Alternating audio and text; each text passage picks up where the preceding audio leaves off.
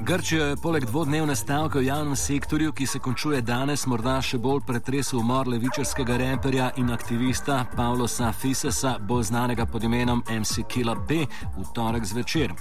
Okoliščine njegovega umora še niso popolnoma razjasnjene, je pa znano, da je bežal pred hordo 35 skrajnih desničarjev, ki so ga na to ujeli, eden od njih pa ga je dvakrat zabodel.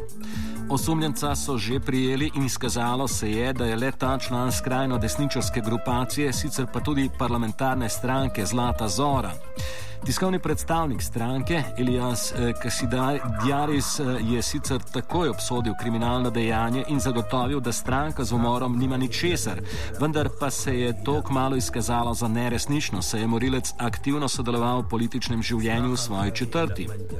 Podporniki Zlate Zore sicer napade na migrante izvajajo že od maja 2011, vendar pa je resnično ogorčenje in množične proteste povzročila šele smrt glasbenika.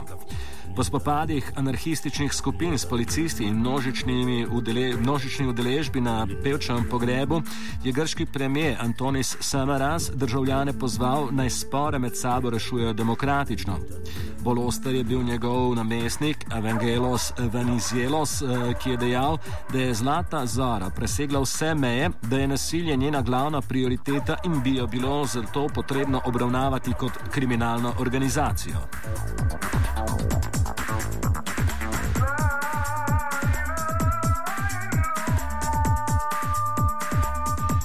Za informacije o stanju v Grčiji, položaju in taktikah Zlate Zore in prihodnosti grške politike nasploh smo poklicali novinarja in dobrega poznavalca razmer Janisa eh, Babulijasa. Prisluhnimo pogovoru z njim. So, what was the role of Golden Dawn in Greek society over the past few years and the more years um, in the past um, when it wasn't yet established as a Golden Dawn, but in some different forms and formations? Golden Dawn has been around since the 30s. Essentially, it was the uh, it comes from the uh, youth of the Metaxa- of Metaxas, who was a dictator in Greece back in the 30s and who was pro-Nazi. Uh, from his organization came the later dictator uh, George Papadopoulos, who overthrew the Greek government in 1967.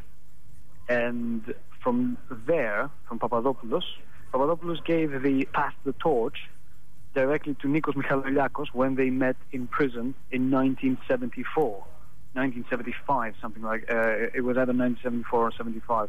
I don't have it in front of me right now. Uh, since then, uh, the Golden Dawn has existed in various forms, but it was called a pen back in the 80s. Back in the 80s, it was a pro-Nazi, uh, a neo-Nazi organization that published magazines with Hitler on its front cover. And since then, there's been allegations that they've attacked and stabbed or killed people. And Mikhail Michaloliakos himself spent time in prison for um, for bombing a cinema, which it didn't. Nobody died, but a lot of people were seriously injured. Uh, now, from there, the Golden Dawn came to prominence in the early 90s uh, when when the uh, the whole the, the, whole story with the naming of Macedonia, uh, or which Greece didn't want it named Macedonia but uh, uh, that was when they came to prominence once again, and they started having some TV coverage and everything. They've, they have always failed to become a serious political force until 2009 when they managed to win one seat in the um, in the uh, city council of Athens. Prior to that, and for a few years, they were actually banned. It was only in 2009 that they were allowed to participate in elections. Since then, they've yeah they've grown and they've become like what they are now. Um, but they were always there. They were always present. Yeah. Um, what is the basis um, for supporting for the rise in support in recent years? Um, with the crisis, they um, established themselves as kind of grassroots, um, like partly even humanitarian organization, with which um, with, of course, very discriminative um, principles of sharing, I don't know, food um, and other goods. Is this um, one no, no, the no, no, no. That was that was that was the spin they the the party itself and the media chose to play. Truth is, food handouts and support networks that the Golden Dawn has set up are very small uh, to the point where they don't even matter. And compared to other support networks that say left-wing parties have set up, but but who are not advertised as much as that of the Golden Dawn, it's pretty much yeah they're nothing. But there's a combination of their actions being media friendly and their own whole and the, the whole imagery that has established them and has garnered support. Otherwise, uh, apart from a very hard core of a few thousand supporters, uh, th- their voters are, I don't know, you could say they are very um, opportunistic in a sense. It's both a protest vote, the hidden fascist demographic that Greece has always had, because the dictatorship had had like support as well, and the Nazis had support as well when they were occupying Greece in the 40s. So there's always this hidden demographic, but it's there. Um, and what are your predictions for the near future? Because there's um, a growing discourse of, like, even civil war. Um, some kind of um, some commentators are talking No, about. no, I, I don't think that there's going to be anything like a civil war. I think there might be conflict, but it depends on how the government will choose to play it and how the police will respond in the next few days. If the police decides to crack down on anti-fascists, there's going to be yes, there's going to be a lot of trouble, and I don't know where it might end up. But if they and and if if the Golden Dawn doesn't pretty much like break apart from its activist wing, which I don't think will work to like calm down anti-fascists and people who don't support them. But they might try and break off the activist um, the activist uh, part and just try and shape up their parliamentary uh, team, which doesn't really work because they're one and the same, as I said before. But they might try and do that. And it depends on if Dendias, our uh, Minister of Citizen Protection, will move to ban the Golden Dawn in its current form, which will force the split between the activists and the parliamentary uh, uh, teams. What's the relation between police and Golden Dawn? Since, according to some polls, even uh, half of the police officers um, are supporters of, or ideological supporters of Golden Dawn. I think there's more than ideological support. Maybe, I, yeah, there, there were certain certain uh, certain parts of Greece where the police voted like up to 50 percent uh, for the Golden Dawn. But if you ask me, I'd say that even those who didn't vote for them uh, have a measure of sympathy for the Golden Dawn, and that was that was very clear last night when there were teams of apparently Golden Dawn guys throwing stones at anti-fascists from behind police lines, and the police didn't do anything to stop them. So I think it's pretty clear that even those who are not voters of the Golden Dawn have a measure of sympathy for the Golden Dawn. And what do you think will this bring in combination with more and more um, auster- austerity measures that are probably gonna hit Greece in the next few months, since the both the left in like Syriza and communists are gaining, but also the right. I think it's I think it is wrong to attribute the rise of the far right to austerity, because I will just give you this example. Look at Norway, richest country in the in the world. They just voted in a far right party and for, and it formed a coalition with the uh, with the ruling party. The same party that had uh, Andrei Breivik in its circles. There's no austerity in Norway. How comes that happened?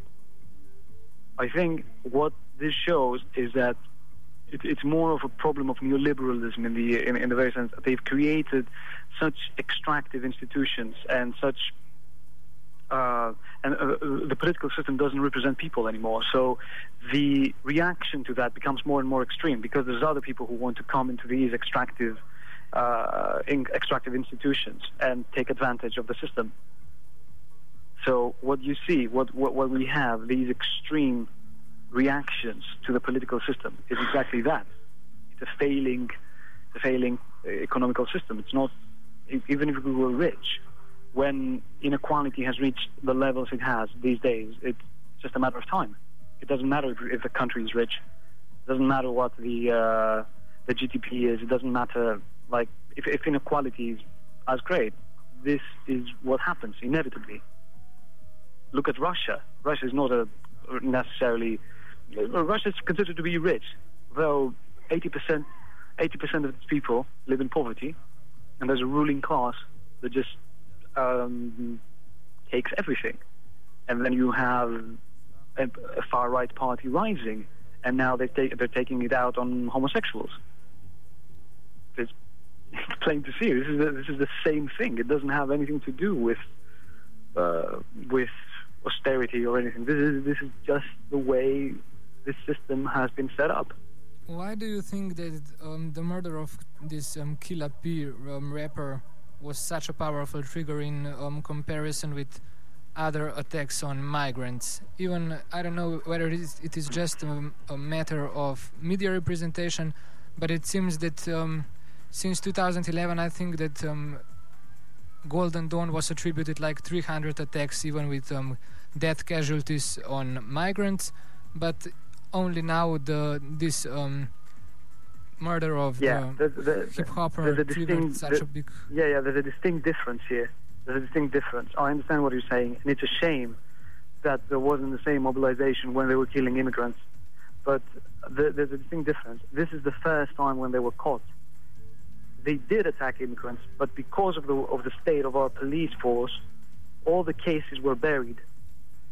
We couldn't bring them to court, and when we did bring them to court, they intimidated the courts and they weren't convicted. This is the first time when they're caught. Of course, the, the fact that it's a Greek person, of course, it helps, and because this is the world we live in. But this is the first time they were caught red-handed, and this is the first time we have the killer, we have proof, we have witnesses, and I think they did it on purpose. By the way, I don't think it's accidental. I think this was a calculated move. Um, and what do you think about the response of um, other parties? Uh, like um, in the past, they weren't really um, condemning even the last week attack on these um, communists that were handing out leaflets. They didn't condemn it in um, in Greece. I think. No, you mean New Democracy? New Democracy. New yeah. Democracy, the the ruling party. Yeah, uh, because they're looking to their right to find, you know, potential votes and potential. Um, you know, essentially collaborations. Because the the uh, the thing is that in recent polls they found that PASOK, the, the current junior partner in the government, uh, has zero percent um, support between people 18 to 35, like zero, which means that in the next elections they're not going to be there. There might be elections as soon as next year, and they need somewhere to turn to because right now Syriza is leading in the polls. So they need support. And when you see that the Golden Dawn is almost at 15%, where are they going to look? You know, so they can't condemn the Golden Dawn. They can't condemn their voters. They need them. And despite the fact that try, they're saying that they're going to try and ban the Golden Dawn, they're not going to try. They're not going to ban the Golden Dawn. They might lock up some of their supporters, but that's what's always happened in the history of fascism in Europe they're going to look to, co- to cooperate with them very soon. I think as soon as next year, because I think next year we're going to have elections. And I think as soon as next year, they're going to try, they're going to look to their right to find potential uh, collaborations.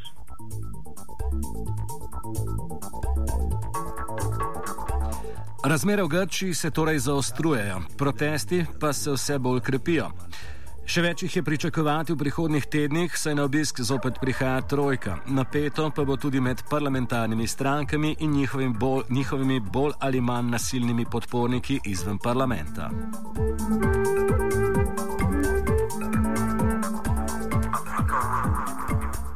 Овсеті приправив Яша.